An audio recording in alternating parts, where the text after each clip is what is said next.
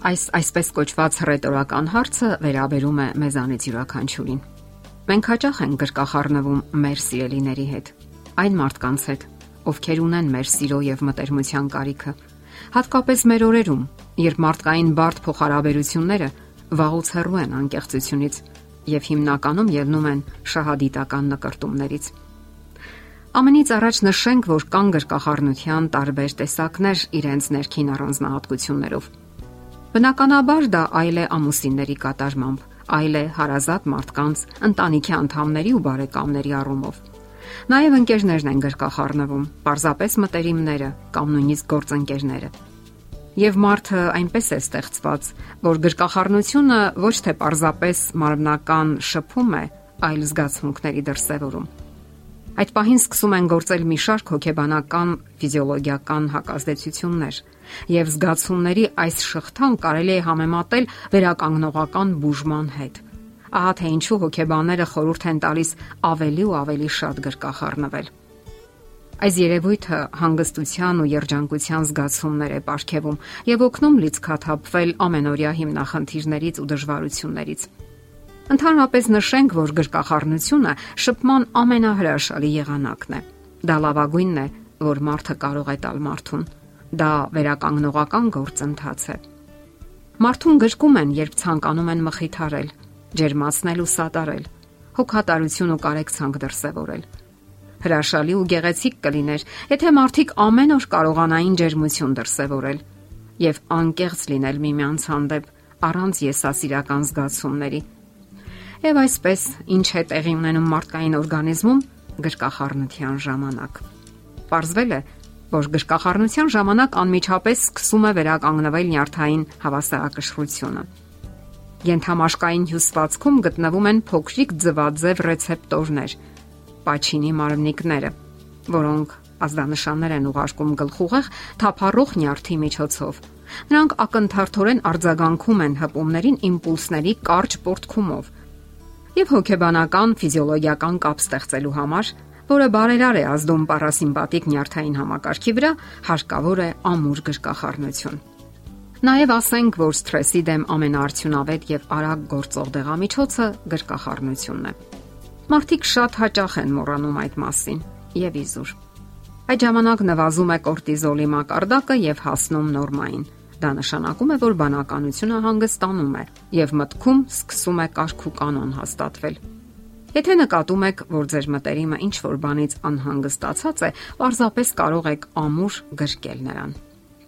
Մի կարևոր պահ եւս։ Գրկախառնության ժամանակ ուղեղը սկսում է արտադրել սերոտոնին, որը լավ տրամադրության քիմիական կարգավորիչ է։ Միայնակ մարդիկ հաճախ են տխրում եւ հայտնվում դեպրեսիայի մեջ հենց այս հորմոնի անբավարարության պատճառով։ Եթե ուղեղի մեջ բարձրանում է սերոտոնինի մակարդակը, անցնում է մելամաղձոտ ու տխուր տրամադրությունը։ Մենք դառնում ենք հանգիստ, խաղաղ ու երջանիկ, գոհանում ենք կյանքից եւ բարձրանում է նույնիսկ ինքնագնահատականը։ Գրկախառնությունը մկանային լարվածությունը հանելու լավագույն եղանակն է Այդ պահերին մկանները սկսում են աստիճանաբար թուլանալ եւ մարմինը հաճելի թեթևություն է զգում։ Իսկ ինչու ավելի հաճախ չանել մի բան, որը հավասարազոր է ֆիզիկական վարժություններին։ Չապել Հիլում գտնվող Հյուսիսային Կարոլինայի համալսարանում կատարված հետազոտությունները ցույց են տվել, որ գրկախառնությունները ազդում են սրտի կծկումների հաճախության վրա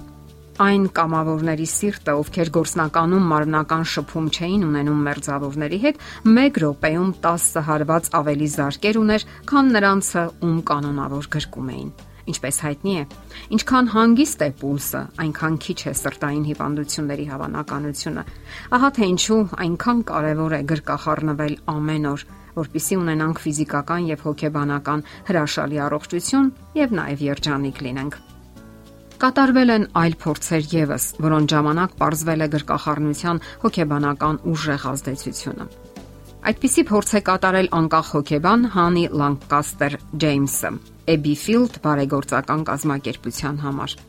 Նա ուսումնասիրել է 3000 մարդկանց եւ հետաքրքիր հետեւությունների հանգել։ Պարզվել է, որ այդ մարդկանց մոտ 30%-ը երբեք չի բռնել իր տատիկի կամ պապիկի ձեռքը, իսկ մոտ 25%-ն էլ պատասխանելով այն հարցին, թե ում ձեռքը կցանկանար բռնել ամենից առավել,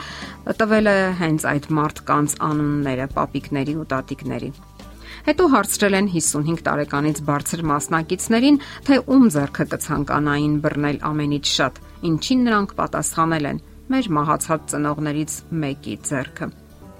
Լանկաստեր Ջեյմսի խոսքերով փորձի արդյունքները վկայում են այն մասին, որ շատ մարդիկ թերագնահատում են ֆիզիկական հպումների, ֆիզիկական շփման ու գրկախառնությունների դերը իսկ դա կարևոր է հատկապես տարեց մարդկանց համար։